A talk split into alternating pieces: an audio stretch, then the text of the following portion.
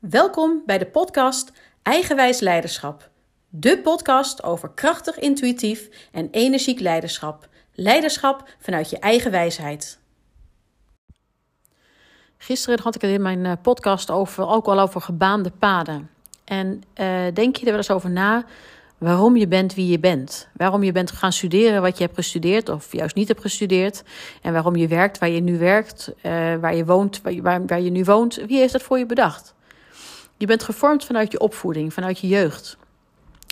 Daar, vandaan heb je kaders meegekregen en uh, normen en waarden.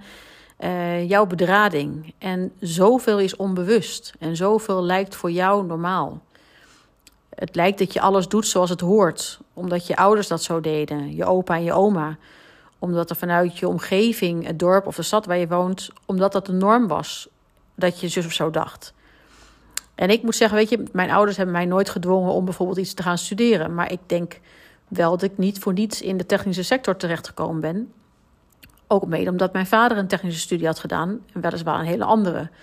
Maar wanneer mijn vader ook niet bijvoorbeeld elke avond en in het weekend aan het sleutelen was aan zijn oldtimers, had ik niet misschien voor die technische sector gekozen. En misschien ben ik juist al na mijn studie veel meer de menskant opgegaan, omdat het iets was wat mijn moeder juist heel boeiend vond. Uiteindelijk alles in je jonge jaren draagt bij in je programmering. En ik geloof er zelfs in, maar misschien gaat dat voor sommigen te ver, dat je vanuit generaties terug allerlei programmering doordraagt in jezelf. Dat je je hele familie, dat eigenlijk jouw hele familiesysteem in jou verwikkeld zit.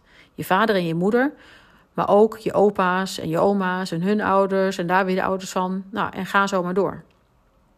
Ik heb inmiddels zelf meerdere keren familieopstellingen gedaan. En daar kwam ook bijna iedere keer het dader- en slachtofferschap uit naar voren. En dat daders ook vaak weer slachtoffer waren. En hoeveel worstelingen daaruit voortkwamen. En hoe moeilijk mensen dat vonden. En dan gaat het wel vaak over dader- en slachtofferschap vanuit de oorlog. Daarvan zie je natuurlijk dat nou, de generaties. Nou ja, als ik naar mezelf kijk, opa's en oma's zeg maar, daarmee mee geworsteld hebben. En hun ouders weer. Uh, maar ook veel seksuele trauma's. En uh, vroeger was natuurlijk de man-vrouw verhouding daar ook nog totaal anders in. En uh, nou ja, zag je dat er ook veel in familiesystemen, nou daar toch wel veel trauma's in gebeurd zijn. Of veel geheimen geweest zijn in familiesystemen. Waar allerlei dingen waar niet over gepraat mocht worden. Nou ja, dat soort dingen. En weet je, ook al dat soort issues kan je dus als mens doordragen vanuit je systeem. En daar kan je ergens nog steeds een soort last van hebben. En dat je jezelf bijvoorbeeld soms hoort reageren op iets en dat je wel denkt, oef, wellicht was dat wat overtrokken. Ja, je kan altijd je systeem de schuld geven. Nee, zonder gekheid natuurlijk. Maar ik denk dat we dat allemaal doordragen. En uh, nou, mede vanwege de familieopstellingen die ik zelf gedaan heb, ben ik dus ook zelf begonnen met de opleiding systeemopstellingen en organisaties. En daarin zie je ook dat weet je, iedereen binnen een organisatie daarin zit met zijn of haar eigen familiesysteem in zijn rugzakje.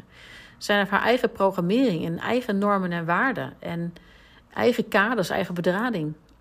En het is zo waardevol wanneer je daar meer en meer bewust van bent. Dat je voelt wat van jou is en wat van jouw opvoeding of jeugd komt. Niet om te zeggen of het goed of fout is, uh, ik geloof trouwens sowieso dat iedere ouder vanuit zijn of haar beste kunnen er voor zijn kind probeert te zijn. Uh, maar ja, goed, spijtig genoeg zijn er natuurlijk ook veel schrijnende gevallen. Maar ja, daar wil ik het in deze podcast niet per se uh, over hebben. Weet je, je, maar het is meer, je krijgt het allemaal mee in je eigen rugzak. Hoeveel liefde je hebt gekregen, hoe makkelijk je wel of niet over gevoelens praat, welke rol je makkelijk afgaat, of je vindt dat je hard moet werken. Ehm, Sowieso alle ideeën over geld, ook heel interessant. Weet je, wat heb je bijvoorbeeld een mening over rijke mensen? Of vind je dat je hard moet werken voor je geld? Of ben je ervan overtuigd dat geld niet gelukkig maakt? Hele andere discussie, maar dat, ook dat is deel van je programmering. En ook dat heb je vaak van huis uit meegekregen um, in je systeem. En wanneer je er steeds bewuster van bent wat je vanuit huis hebt meegekregen, kan je ook steeds bewustere keuzes maken uh, wat jij voelt dat goed voor jou is. Of wat goed, in, in ieder geval van jouw leiderschap, uh, goed is voor jouw team. Je maakt keuzes vanuit je eigen wijsheid, vanuit een bewuste staat. En je staat ook even stil bij de dingen die je doet en waarom je ze doet. Je gaat je eigen paden aanleggen. En vanuit mijn civiel-technische achtergrond zeg ik altijd: waar een wil is, is een weg en anders leg ik hem wel aan. Maar zo is het wel. Het is, je kan je eigen koers pas bepalen wanneer je weet welk deel van de koers uh, die je reeds gelopen hebt bepaald is door anderen en wat is van jezelf. Een mooie studie overigens op zich, maar um,